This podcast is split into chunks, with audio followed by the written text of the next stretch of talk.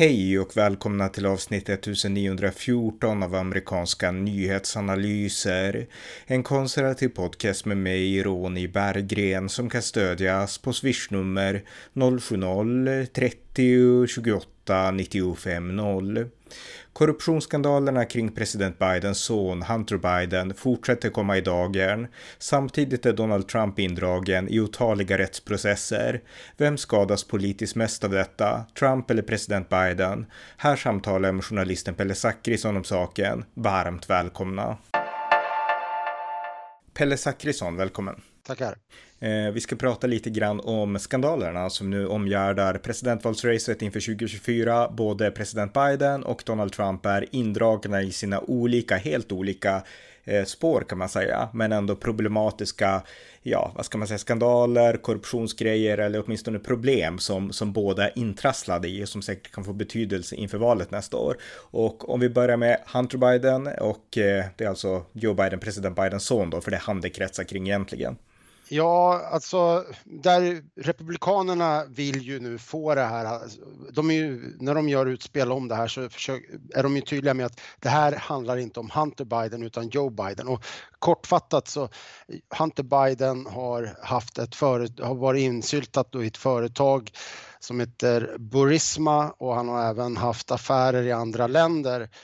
Och eh, det som har rullats fram det är att han har då fått betalt och flera andra i, i, denna, i Biden-familjen har också då enligt uppgifter då fått betalt. Men, men det handlar om stora summor pengar. Det handlar om, tror jag, är det 20 miljoner dollar totalt som man anser har kunnat fått bevisat att eh, det har förts in på olika konton som, eh, som tillhör Hunter Biden. Eller Biden-familjen kan man säga. Ja, ja Biden-familjen. Och, och då kan man fråga sig, men vad är det då för tjänster som man har betalat för det här? Ja, och det är fortfarande så här, ingen vet, ingen vet. Men de senaste turerna i det här, det är att Hunter Biden och eh, då hans affärspartner som heter Devon Archer eh, har Devon Archer blev då förhörd i, i, kongre i kongressen, representanthuset, i ett utskottsförhör eh, där han berättade om hur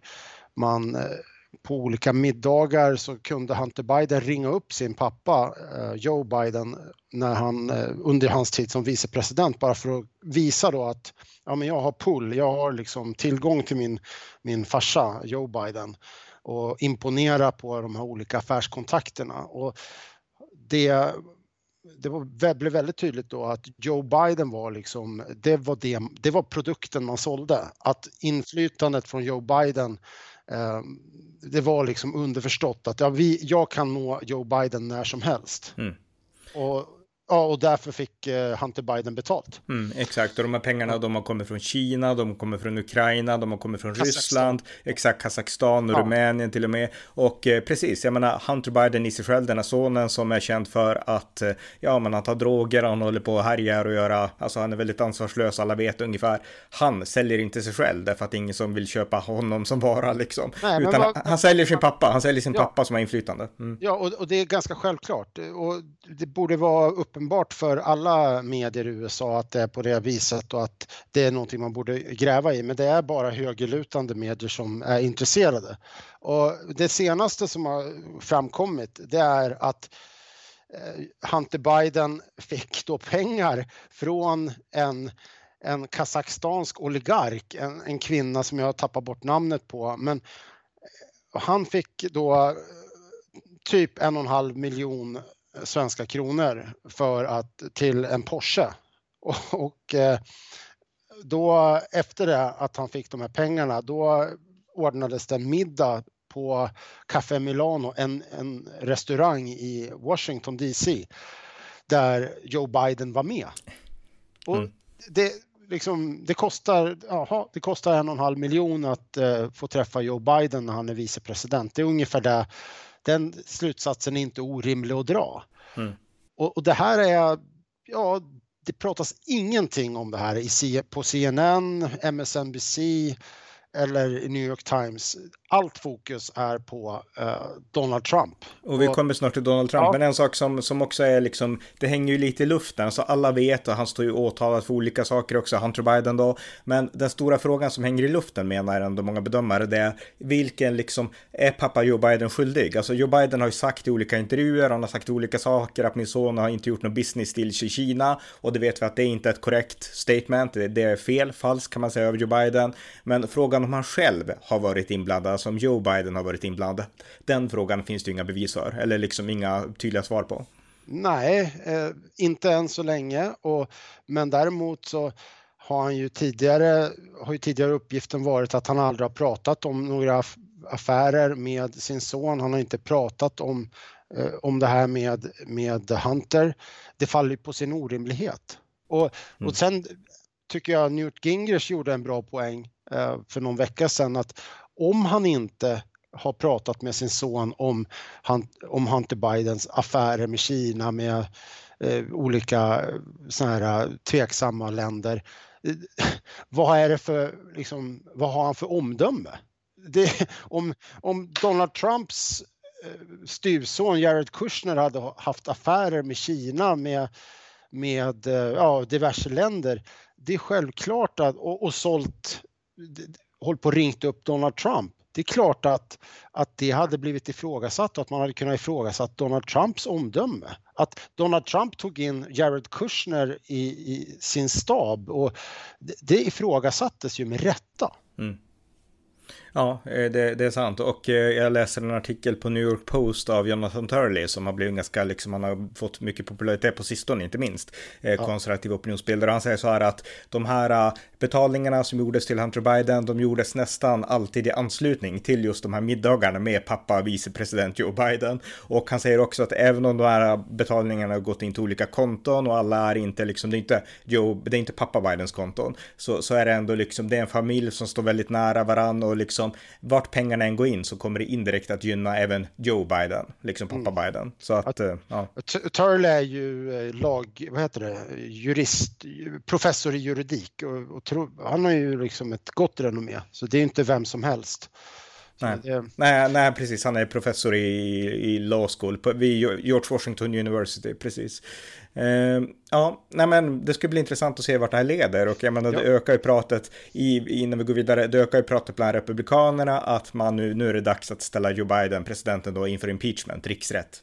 Mm, ja, och där finns det ju två nivåer. Det ena är ju impeachment inquiry och det innebär att du gör en förberedande utredning om man ska väcka impeachment.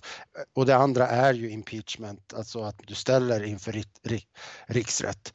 Och det där får man ändå ge republikanerna, de flesta republikaner, eh, lite cred. Att de, de flesta säger ju det att de vill undvika att de tycker inte att det finns underlag för att, att väcka riksrätt, eh, alltså ta honom till Biden till riksrätt direkt, utan de vill göra en inquiry, vilket då skulle ge dem mer verktyg att begära in underlag, bankkonton, bankutdrag från Joe Biden till exempel. Mm.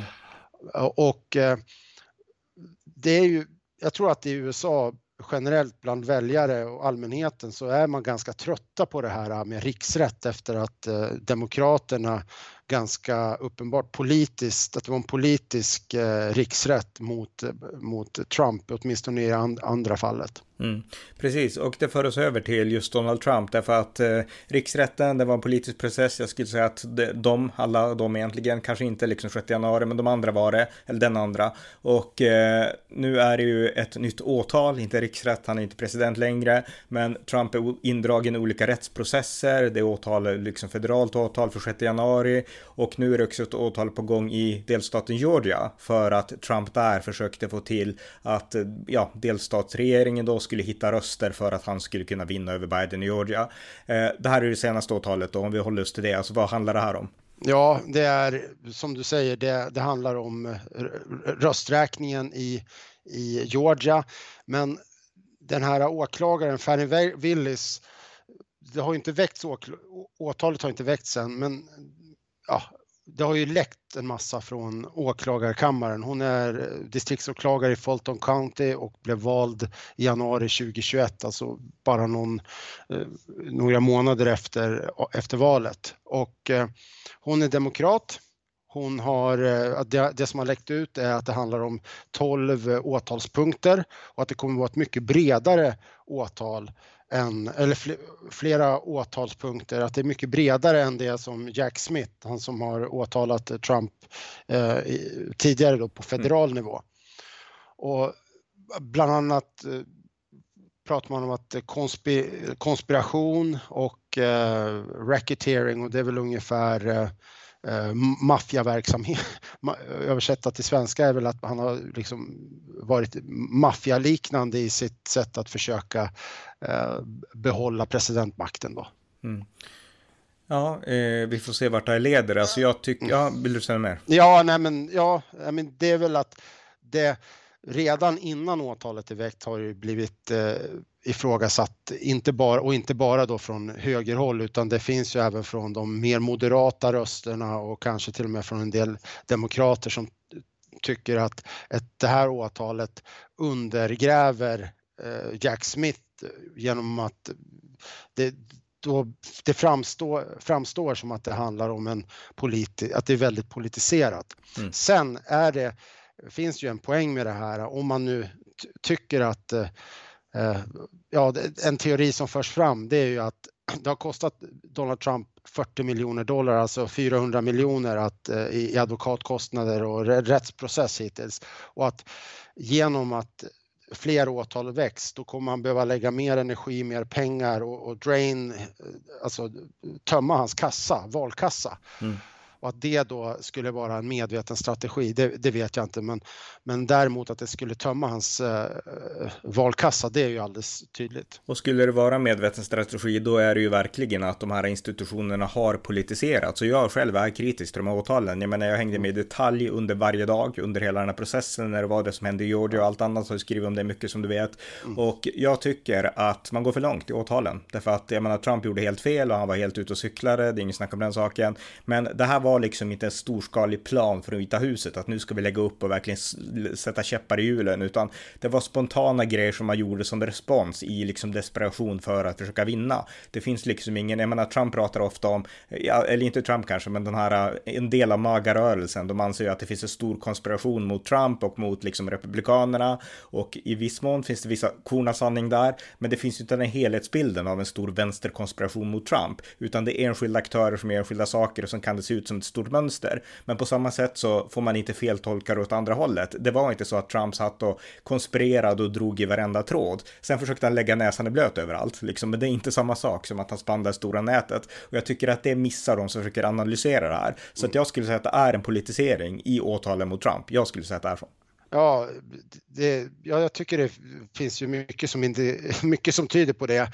Och jag har intervjuat Alan Dershowitz, eh, före detta professor i Harvard och i juridik vid två tillfällen tidigare. Och han är ju tydlig med att av de åtal som har väckts eller är på väg att väckas så är det egentligen bara ett åtal som är en eh, seriöst eller är en reell fara för Trump. Och det är ju det här med dokumenten i Mar-a-Lago. Och där alltså det, där har Trump förmodligen gjort fel och eh, kan dömas. Eh, och har man tagit dokument som man inte har rätt till och sen inte lämnat tillbaka, då, men sen får man väl reda ut hur, hur allvarligt är det brottet då? Mm. Och, och, men sen kan man ju, det har ju du varit inne på, är det lämpligt att, att åtala en, en före detta president om man tar liksom det större perspektivet ur landets bästa. Mm. Ja, nej precis. Men eh, bara för att sammanfatta då. Det här är två olika skandaler. Det är dels har vi en kring Hunter Biden som påverkar pappa, president Biden, och sen så har vi Donald Trump som själv är indragen i alla möjliga saker, olika åtal och sådär. Och eh, den stora slutfrågan då är hur kommer de här respektive skandalerna eller intrasslingarna, vilken term man nu vill använda, att påverka de här två inför presidentvalet nästa år? Dina tankar, ja. så kan jag ta mina.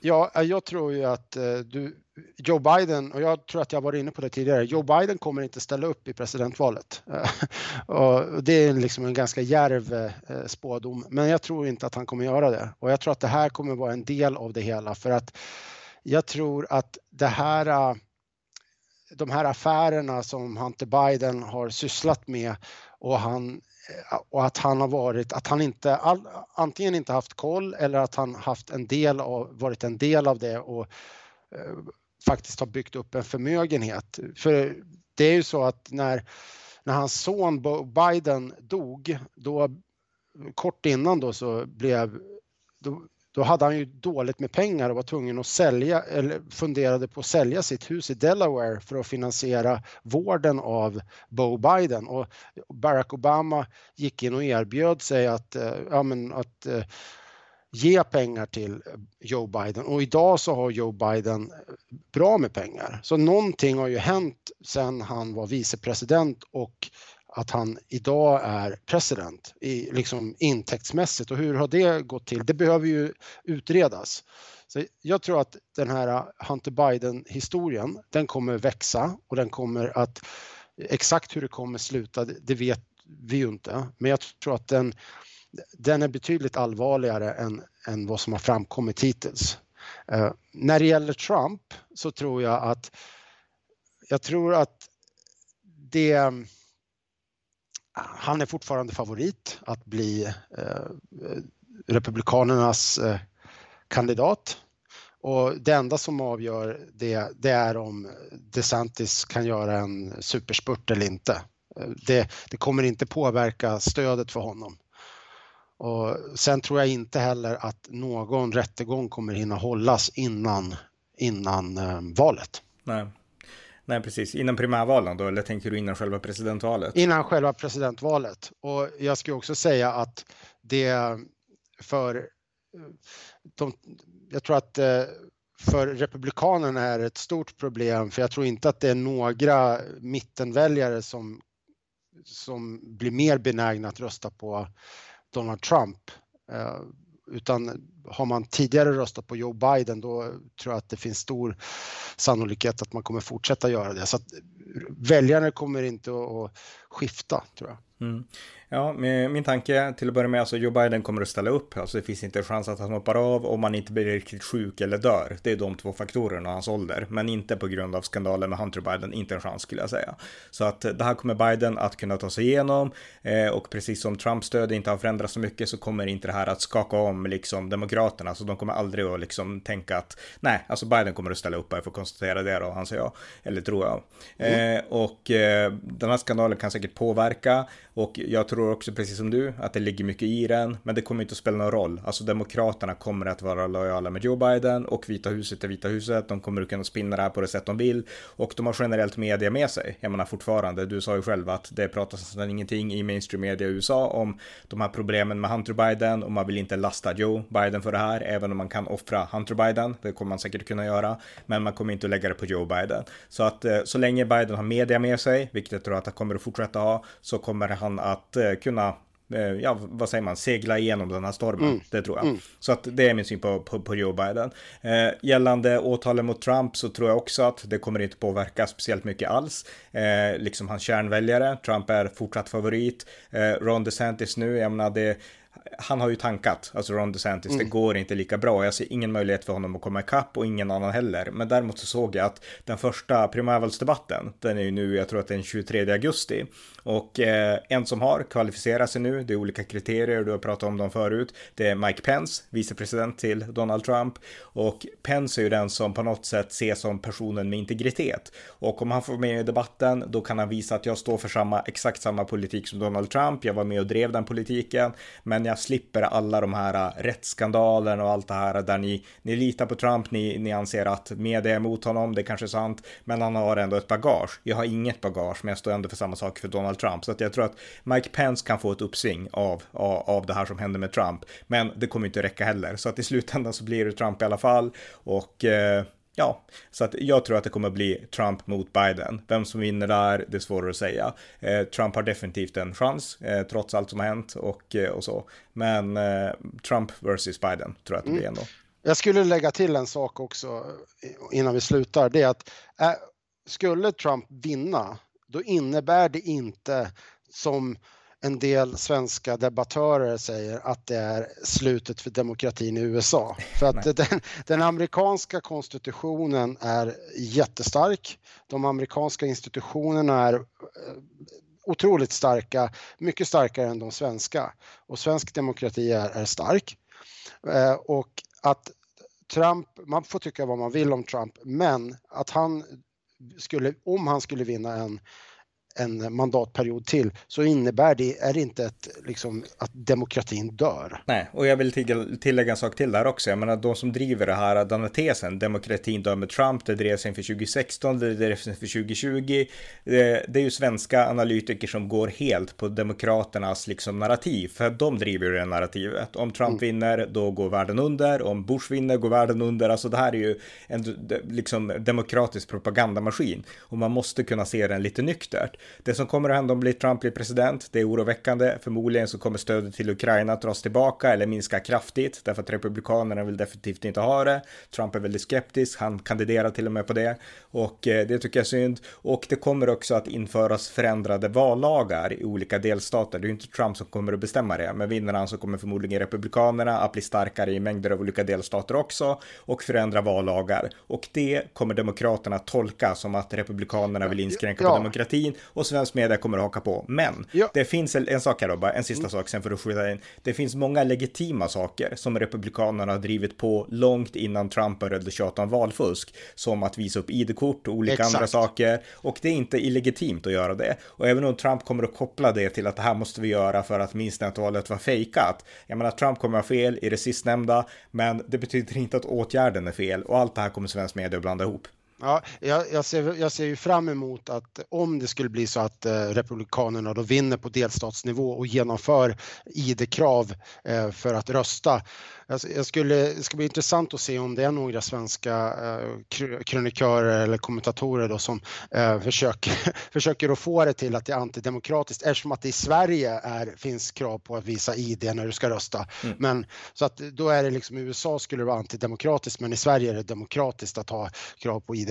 Eh, när det gäller att eh, Nej, men just det, får jag bara säga en sak till också. Jag menar, det här visar verkligen, vi är ju inte där än liksom. Vi får se hur analyserna lyder. Men när det var det här med valfusket 2020, alltså jag hängde med, jag var en stark anhängare av Donald Trump, var under båda hans presidentperioder, eller hans enda presidentperioder, men även fortsättningen efter den första då. Båda hans presidentkandidaturer menade jag. Och han ja, när han då höll på med valfusk och så, så liksom granskade det sakligt och kom fram till att han har fel. Och sen så var det ju så att svensk media, de ansåg ju också att han hade fel. Men det var inte för att de granskade honom, utan det var för att de fortsatte följa liksom de här vänsterliberala narrativen. Så att det var bara därför. Jag menar, tänk om Joe Biden hade drivit samma sak, om han skulle förlora det fusk, då hade man förmodligen gått på, ja men det kanske är sant, det kanske är fusk. Jag menar, ja. precis som man gjorde med Al Gore, när Al Gore förlorade mot George W. Bush, ja men det är Bush som hittar på och liksom, och sådär. Så jag menar, liksom, svensk media drivs inte primärt av att bara förklara hur det ligger till, utan man liksom, man går in, man har som inkörsport i liksom sina ämnen, sin ideologiska föresats, att demokraterna är alltid bättre än republikanerna typ. Ja, och att, att fakta inte bestämmer utan att mm. det är vilka som är goda och vilka som är onda som avgör. Om, mm. om man då har liksom bestämt sig för att Joe Biden är god, då är det det här Laptop from Hell med Hunter Biden, att då är det en då är alla uppgifter om att det är en, liksom det är ryskt, eh, liksom en påverkansoperation när den uppgifterna publiceras. Ja, men då är det nog så. Hunter Biden är en ängel. ja, jo, eh, ja. liksom en crack, crack smoking ängel liksom. Det, mm.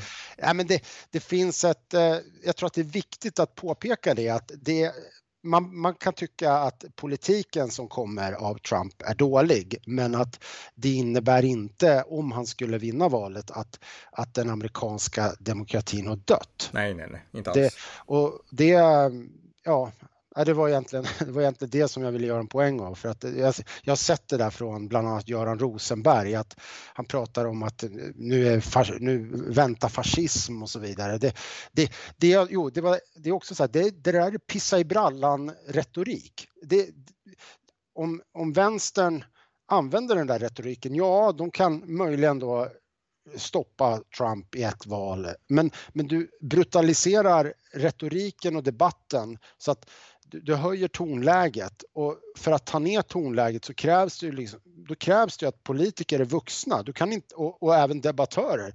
Du, du, kan inte hålla på att jämföra Putin och Putin och Hitler med Donald Trump som Göran Rosenberg gör. Ja. Det, det, blir liksom ett, det är pissa i brallan retorik och du, du kommer att, för då förstör du alla nyanser, du tar bort alla nyanser i en, i en, liksom i en sak, ett, i, i debatten om Trump. Mm. Och, och om, om man säger att han är, han är som Hitler och om man då nästa gång Rosenberg, om han då kommer med en bra saklig kritik, varför ska man lyssna på honom när han uppenbart satt och, och överdrev och liksom eh, skarvade förra ja. gången? Nej, men han gör ofta det. Det gäller inte bara Trump. 2004 så gjorde han en dokumentärserie om presidentvalet 2004 i USA och han filmade då en palestinsk kvinna utanför Vita huset som pratade om att nu är det så mycket förtryck och vi får inte vara här och demonstrera mot Bush och sådana saker och han gjorde en grej av det liksom. Eh, typ en vecka senare var jag också i Washington DC, filmade samma kvinna och pratade med henne och eh, då såg jag att hon hade massa antisemitiska grejer på sin tröja liksom. Det stod Ariel Sharon is eh, liksom eh, Zionist Hitler stod det liksom och jag frågade henne om en sionistisk Hitler, ja liksom han är en Hitler ungefär, typ så sa hon. Så jag menar, han liksom filmade samma person som sa att Bush är fascist, men han visade inte liksom ens andra saker. Så jag menar, det här har vi en person som är, ja, han fixar inte heller att liksom skildra saker sakligt. Och, så att och, det är ju, mm. Och, och jag, jag, tänker att han har ju inte fel i alla delar. Han, har ibland, han kan ju ibland ha en poäng, men det bara försvinner mm. i den här eh, totala, eh, totala gränslösa retoriken. Och, mm. Så det är ju ett jätteproblem. Ja. Så att för att, så där, där har ju du gjort en jättestark insats Ronny och det, du är ju ledande i Sverige på att nyansera bilden av Trump och den amerikanska konservatismen. Ja, precis. Inte bara Trump utan republikanerna. Mm, mm. Ja, tack. Det var, det var kul att höra. Eh, ja, nej, men har vi något mer att säga om det här? Eller ska vi nöja oss här? Ja, vi nöjer oss där tycker jag. Ja, tack så mycket. Tack. Tack för att ni har lyssnat på amerikanska nyhetsanalyser. En podcast som kan stödjas på swishnummer 070-30 28 95 0 eller via hemsidan på Paypal, Patreon eller bankkonto. Skänk också gärna en donation till valfri Ukraina-hjälp. Allt gott tills nästa gång.